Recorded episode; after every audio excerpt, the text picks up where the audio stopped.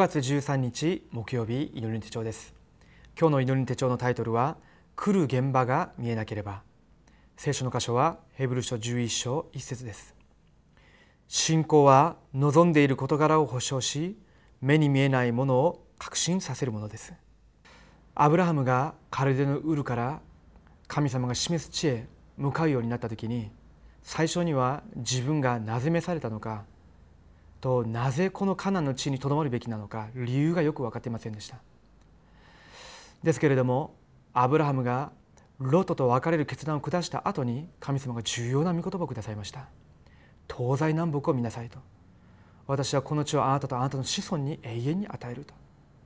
その御言葉を握って漱石13章18節見てみると主の見舞いに祭壇を築いて祈ったというふうに書いています。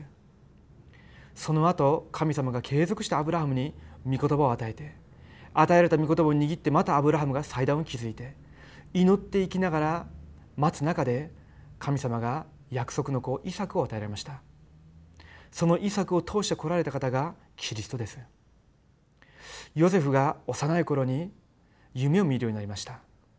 その夢が最初はどういう夢なのかわからなかったでしょう。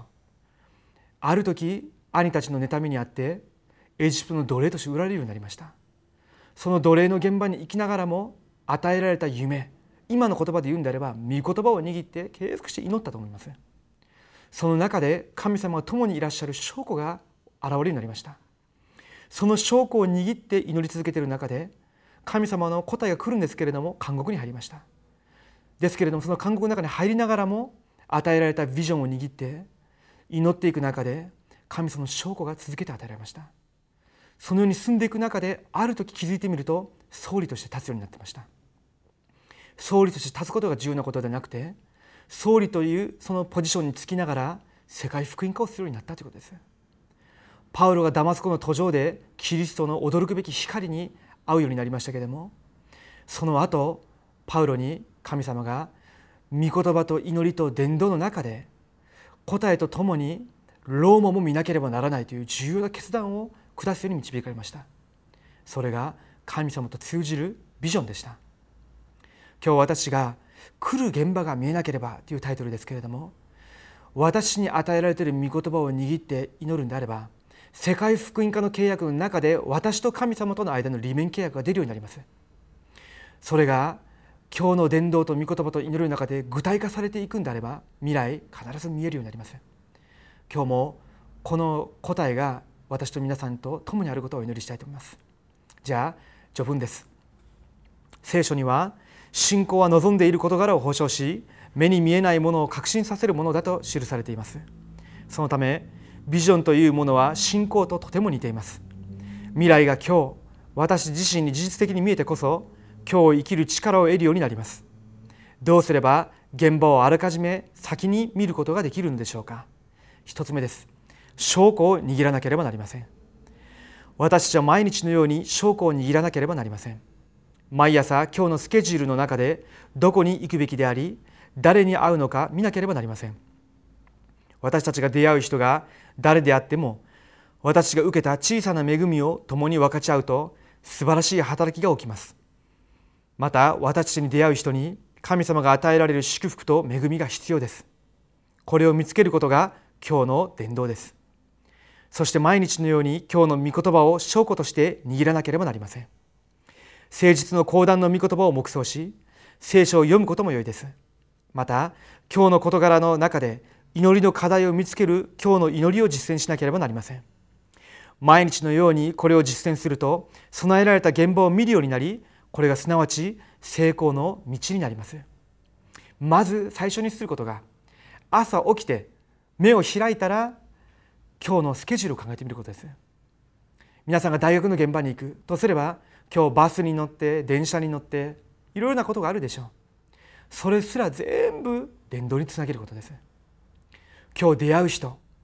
今日行く現場それを伝道につなげてみることです。その中で講談のメッセージであるかあるいは皆さんが通読している聖書の箇所であるかそれを通しながら今日の御言葉を探し出してみてください。すると今日自分がどのように祈るべきかそれが出てくるようになると思います。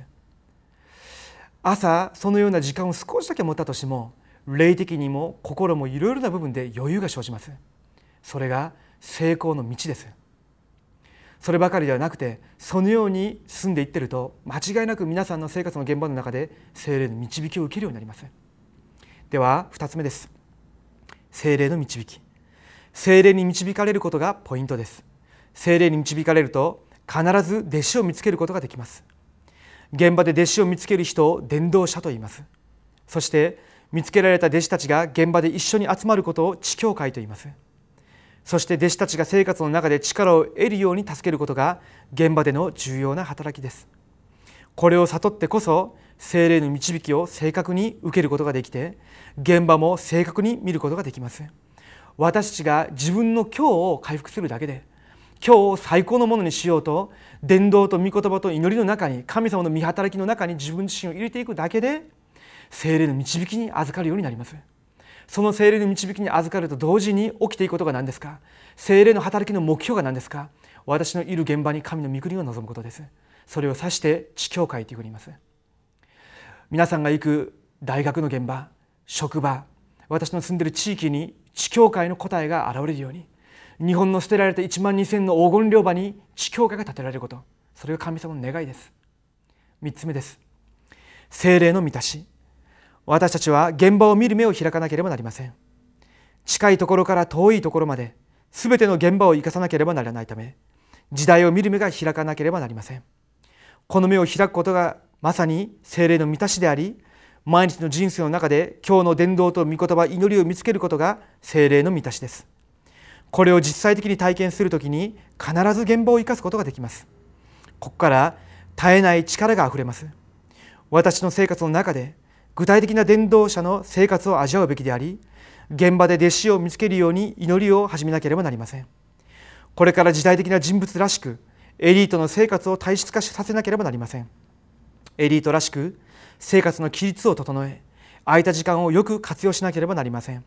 また運動を通して体力を管理しなければなりません。今日が最も重要な時刻表であり機会であるという事実を逃してはなりません。私たちの空いた時間朝の時間夜の時間どういうふうに過ごしてますか？その時間を私がどういうふうに生活しているかが本当の私です。それが伝道と御言葉と祈り私の未来のための重要な準備それとつながっているんであれば間違いなく成功するようになるでしょう。ですけれどもどうでもいいことに時間を費やしている部分があるとすればそこから少しずつ変えてみるだけでもいいと思います。少しの実践が大きな答えを生み出すようになります。今日のフォーラムの次第です。私の前に広がる現場はどうですか？現場が見えなければならないということを自分に適応して黙想しましょう。お祈りします。生きておられる神様に感謝を捧げます。レムナント7人がこれから行くべき現場をあらかじめ見たように世界福音化の契約を握り今日の生活を伝道に結びつけ与えられている御言葉を証拠として握って祈る時に神様が与えられる一つ一つの答えを通しながら未来の現場自分自身の行くべき現場が見えるようにしてください。今日神様が初代教会の弟子たちや7人のレムナントたちに送られた死の使者を送ってくださり未来を見る目を開いてください。生きておられるイエス・キリストの皆によってお祈りします。アメン。